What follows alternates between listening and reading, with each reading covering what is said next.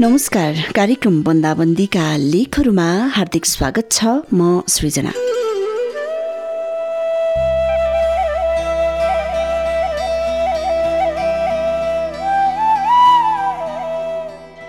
सपनाहरू सबै कहाँ पुरा हुन्छन् र? एउटा सपनाले मात्रै पनि त जिन्दगी पुरै जान्छ र? अनि सपना नै नदेखिकन कहाँ सपनाहरू साकार हुन्छन् र? जब सपना नै देखिँदैन भने जिन्दगीको अर्थ नै कहाँ बुझिन्छ र?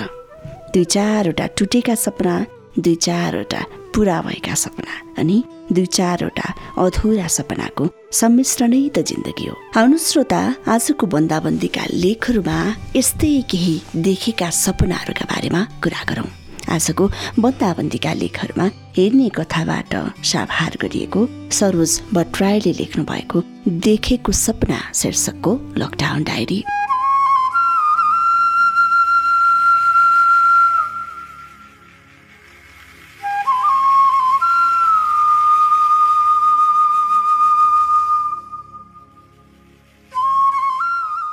पीडा हाम्रो सुन्दर शक्ति हुन सक्छ सङ्घर्षबाट हामीलाई शक्ति आउने गर्दछ। चिजहरू परिवर्तन हुन्छन् जब हामी वास्तवमै तिनीहरूलाई परिवर्तन गर्न चाहन्छौँ। आखिर देखेकै सपना साकार हुँदो रहेछ। नदेखेको सपनाको आकार पनि कहाँ हुँदो रहेछ र? आज लकडाउन भएको पनि दुई महिना बढी भइसकेको छ। लकडाउनभन्दा पहिले धेरै सपनाहरू कोरेको थिएँ र त्यहाँ पुग्ने लक्ष्य पनि लिएको थिएँ।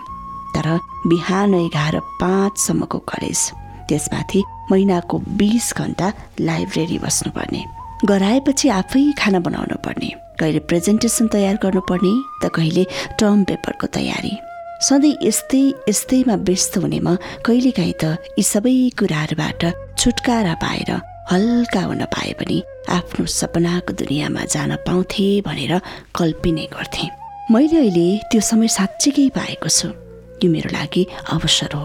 यो अवसर गुमाइयो भने भविष्यमा फेरि फेरि यस्तो पल नआउन सक्छ भन्ने कुरा मनमा लिएर यो लकडाउनको सदुपयोग गर्न थालेको छु।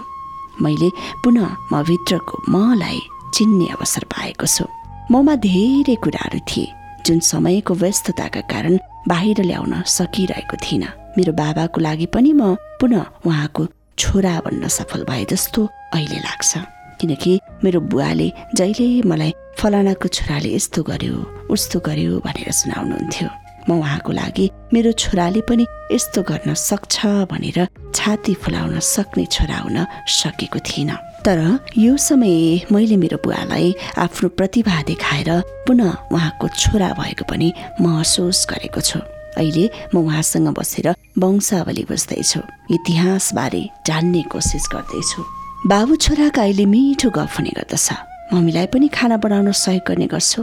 उहाँसँग पनि धेरै पौराणिक कुराहरू सिकिरहेको छु।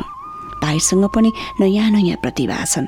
हामी एकअर्कालाई चिन्ने मौका अहिले मिलिरहेको छ। बच्चा बेलादेखि नै साह्रै चञ्चले र चकचके स्वभावको म आकाशमा उडेको प्लेन हेरेर मम्मीसँग सोध्थेँ रे मम्मी म ठुलो भएपछि त्यस्तै आकाशमा उड्नेछु भनेर। आखिर समयको चक्र हो। बालापन जस्तो कहाँ अहिले हुँदो रहेछ र? समय बित्दै गयो। सपनाहरू नयाँ नयाँ कुरिँदै गए। सपनाहरू नयाँ नयाँ फेरिँदै गए। एक जमानामा क्रिकेट साह्रै खेल्थेँ। जहिले घरमा क्रिकेट खेलेर आउँदा बाबाले मैले पछाडि भिरेको मेरै ब्याटले दिनदिनै पिट्नुहुन्थ्यो। सपनामा पनि मैले क्रिकेट क्रिकेट मात्र गर्थेँ रे मम्मीले सुनाउनुहुन्छ। हुन पनि साह्रै खेलिन्थ्यो क्रिकेट। कहिले कसको घरको सिसा फुटाले कहिले कसको। के के नोक्सान गरिदिने गर्दा बाबाले जहिले मलाई पिट्नुहुन्थ्यो। सबैले आएर उहाँलाई कुरा लगाइदिने हुनाले मैले क्रिकेटकै कारण धेरै पिटाइ खाएको छु। एक जमानामा कसैले के भन्छस् भनेर सोध्यो भने क्रिकेटर भन्थे। अहिले पनि मलाई क्रिकेटमा साह्रै रुचि लाग्छ। यो समयमा पुराना म्याचहरू हेरेर बस्छु। उनीहरूले लेखेका किताबहरू पढ्छु। क्रिकेट सम्बन्धी बनेका फिल्महरू हेर्छु। सायद क्रिकेट पनि मेरो नसाको रगत जस्तै भएको थियो। जसले गर्दा मैले आफ्नो पढाइ पनि धेरै बिगारेँ। आकाशमा उड्छु भन्ने सोच बनाउने वैज्ञानिक पनि पहिलोचोटि धुरीबाटै खसे होलान्। कति असफल भयो होलान् तर पनि मान्छेले हावामा उड्ने सपना माया मारेनन्। र नै त संसारमा हवाई जहाज बन्यो। जीवनमा ठक्कर खानेहरूले नै इतिहास लेख्छन्।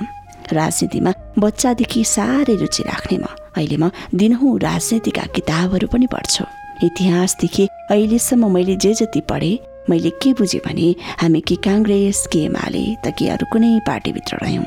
चुनावको बेलामा हामी पार्टीहरूको मात्रै नभएर नेपाली मात्रै भई सही र गलत छुट्याउन नसकेकाले नै हामी धेरै पछाडि परेका रहेछौँ।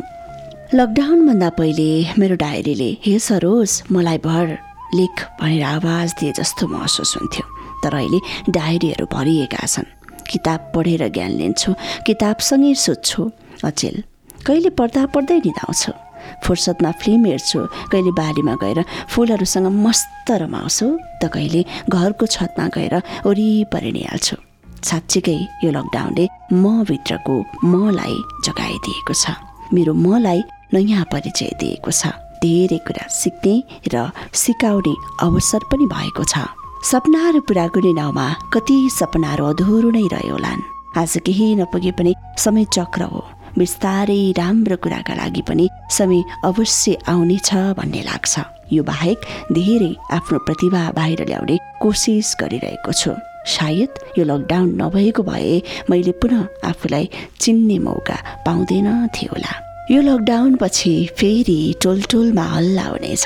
साथीभाइ बिच सल्लाह हुनेछ अनि फेरि रमाइला दिनहरू फर्किनेछन्। फेरि रमाइला दिनहरू फिर्नेछन्।